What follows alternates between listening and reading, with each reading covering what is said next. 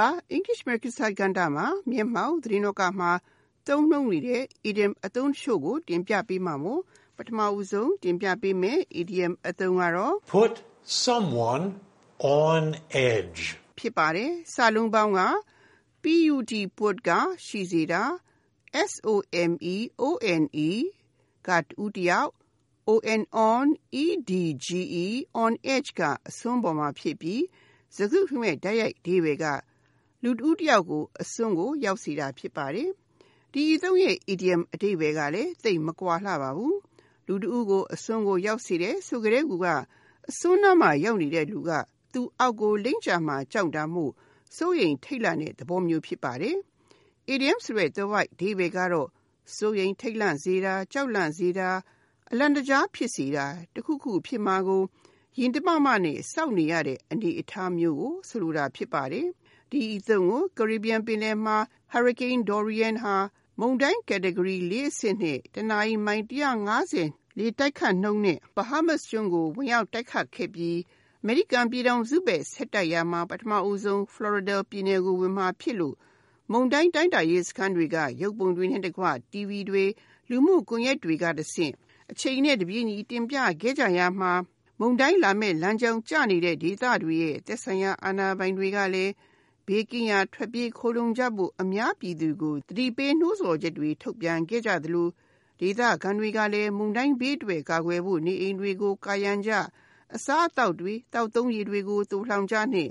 ရင်တထိတ်ထိတ်နဲ့ Hurricane Dorian ဝင်မဲ့အချိန်ကိုစောင့်နေကြရတဲ့အတွက် Florida ထုတ် Palm Beach Post သတင်းစာကြီးက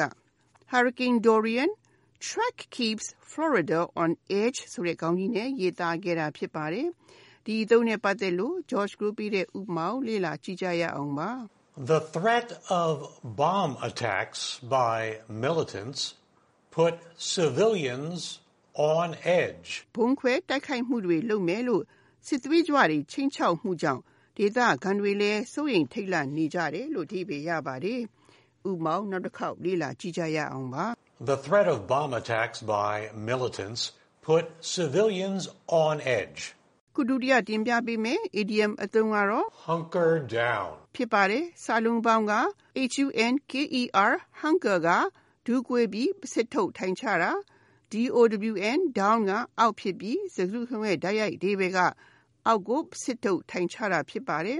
hunker က18ရာစုက Scotland အသုံးဖြစ်တဲ့ hooker ဆိုတဲ့ဝါဟာရကနေဆင်းသက်လာပြီးဒူးကွေးပြီးအောက်ကိုထိုင်ချတဲ့အဓိပ္ပာယ်ဖြစ်ပါတယ်။ အန္တရာယ်ရှိတဲ့အခါမှာအောက်ကိုစစ်တုပ်ထိုင်ချပြီးငြိမ်ငြိမ်လေးပုန်းနေတတ်တယ်လို့ idiom ဆိုတဲ့ the white ဒီဘဲကအန္တရာယ်ကင်းတဲ့နေရာမှာခိုလုံတာပုံအောင်တာလာမဲ့ဘေးကိုရင်ဆိုင်နိုင်ဖို့ကိုကိုကိုကြံ့ကြံ့ခံနိုင်အောင်ခံနိုင်အေးရှိအောင်တောင့်ထားတာမျိုးဖြစ်ပါတယ်။တနည်းကိုရောက်နေတဲ့နေရာကနေမခွာပဲအတတ်နိုင်ဆုံးအန္တရာယ်ကင်းအောင်နေတာကိုဆိုလိုတာဖြစ်ပါတယ်။တခါတရံလဲလူတဦးအနေနဲ့သူများတွေကိုခံယူချက်ပေါ်ဘယ်လိုထင်ထင် ကိုကတော့ဆက်ပြီးမဆုတ်မနစ်ဆုတ်ကိုင်းထားရမှာ hunker down ဆိုတဲ့အသုံးကိုရည်ညွှန်းသုံးနိုင်ပါတယ်။ဒီအသုံးကို Hurricane Dorian နဲ့ပဲပတ်သက်ပြီး Bahamas မှာအပျက်စီးကြီးခဲ့ပြီးလူသေဆုံးမှုတွေရှိခဲ့တဲ့ဒီမုန်တိုင်းကြီးဟာအင်အားပြော့ခဲ့ပေမဲ့အန်ဒီရော့ကြီးနေစေဖြစ်တဲ့အတွက်အမေရိကန်အရှေ့တောင်ကမ်းရိုးတန်းတစ်လျှောက်တိုက်ခတ်ရမှာ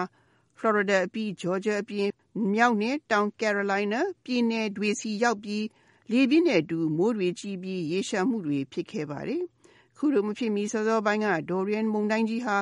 ကမ်းရိုးတန်းတစ်လျှောက်တရွေ့ရွေ့ဥတီလာနေတာကို Carolina ပြည်နယ်သားတွေမုန်တိုင်းတန်ကိုကြံ့ကြံ့ခံနိုင်ပြီးဘေးရန်ဒီရဲ့အကင်းဆုံးအစွမ်းကုန်စူးစမ်းခဲ့ကြတဲ့အတွက် AccuWeather.com မှာ Carolinas hunker down as Dorian sets its sight on the coast ဆိုတဲ့ခေါင်းကြီးနဲ့ရေးသားခဲ့တာဖြစ်ပါတယ်။ We hunkered down at home during the recent hurricane. မကြာမီက hurricane မုန်တိုင်းကျခဲ့စဉ်ကကျွန်တော်တို့တွေအိမ်မှာဘေးကင်းအောင်ခိုလုံနေထိုင်ခဲ့ကြတယ်လို့ဒီပေရပါတယ်။ဥပမာကိုနောက်တစ်ခေါက်လေ့လာကြည့်ကြရအောင်ပါ။ We hunkered down at home during the recent hurricane. ခုနောက်ဆုံးတင်ပြပေးမယ် idiom အသုံးကတော့ feel the pinch ဖြစ်ပါတယ် စာလုံးပေါင်းက feel feel ကခံစားရတာ the pinch the pinch ကအဓိပ္ပာယ်မျိုးမျိုးရှိပါတယ်လက်နဲ့စိတ်ဓာမျိုးဖြစ်နိုင်သလိုနတ်ကြလို့ခံစားရတဲ့နာကျင်မှုမျိုးကိုလည်းဆိုလိုတာဖြစ်ပါတယ်။ဒါကြောင့်စကားစုရဲ့တိုက်ရိုက်အဓိပ္ပာယ်ကအစိတ်ခံရလို့ဖြစ်စေစီးတဲ့ဖနတ်ကြလို့ဖြစ်စေခံရတဲ့နာကျင်မှုကိုဆိုလိုတာဖြစ်ပါတယ်။နာကျင်မှုခံစားရရင်မျက်နှာရှုပ်မှဖြစ်တဲ့အတိုင်း ကိုယ်အိတ်ထောင်ထဲမှာငွေမရှိရင်လည်းစိတ်ချမ်းသာမှာမဟုတ်ပါဘူး။ဒါကြောင့်ဒီအသုံးရဲ့ idiom တော်ဝိုက်အဓိပ္ပာယ်ကငွေရေးကြီးကြက်တဲတဲ့ဒဏ်ကိုခံစားရတာကိုဆိုလိုတာဖြစ်ပါတယ်။ငွေမရှိလို့တိတ်ကိုချိုးချိုးချမ်းချမ်းချူချူတတာနဲ့နေရတာမျိုးဖြစ်ပါတယ်။ဒီအသုံးကိုအမေရိကန်သမ္မတဒေါ်နယ်ထရမ့်နဲ့တရုတ်သမ္မတရှီကျင်းပင်ကြားနှစ်နိုင်ငံကုန်သွယ်ရေးစစ်မှာဘာတပြန်ကြားတပြန်တုံ့ပြန်မှုတွေလုပ်ခဲ့ကြရမှာသမ္မတထရမ့်ကစက်တင်ဘာလ၁ရက်နေ့ကစပြီး တရုတ်ကအမေရိကန်ကို တင်သွင်းနေတဲ့ ဒေါ်လာ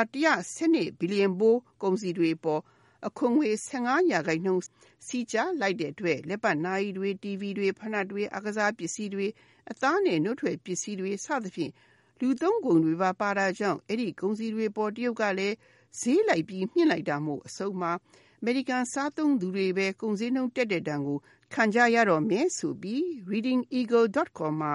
US consumers about to feel pinch of tariffs ဆိုတဲ့ခေါင်းကြီးနဲ့ရေးသားခဲ့တာဖြစ်ပါတယ်။ဒီအသုံးနဲ့ပတ်သက်တဲ့ဥပမာကိုလေ့လာကြည့်ကြရအောင်ပါ။ Many families are feeling the pinch because of rising consumer prices. စားသုံးကုန်ပစ္စည်းတွေဈေးတက်တဲ့အတွက်မိသားစုအများပြားဟာအတော်လေးငွေကြီးကြီးကြက်တဲနေကြတယ်လို့အဓိပ္ပာယ်ရပါတယ်။ဥပမာနောက်တစ်ခေါက်လေ့လာကြည့်ကြရအောင်ပါ။ Many families are feeling the pinch because of rising consumer prices. ဒီသတင်းပါတင်ပြခဲ့တဲ့ idiom အသုံးတွေကတော့ put someone on edge, hunker down,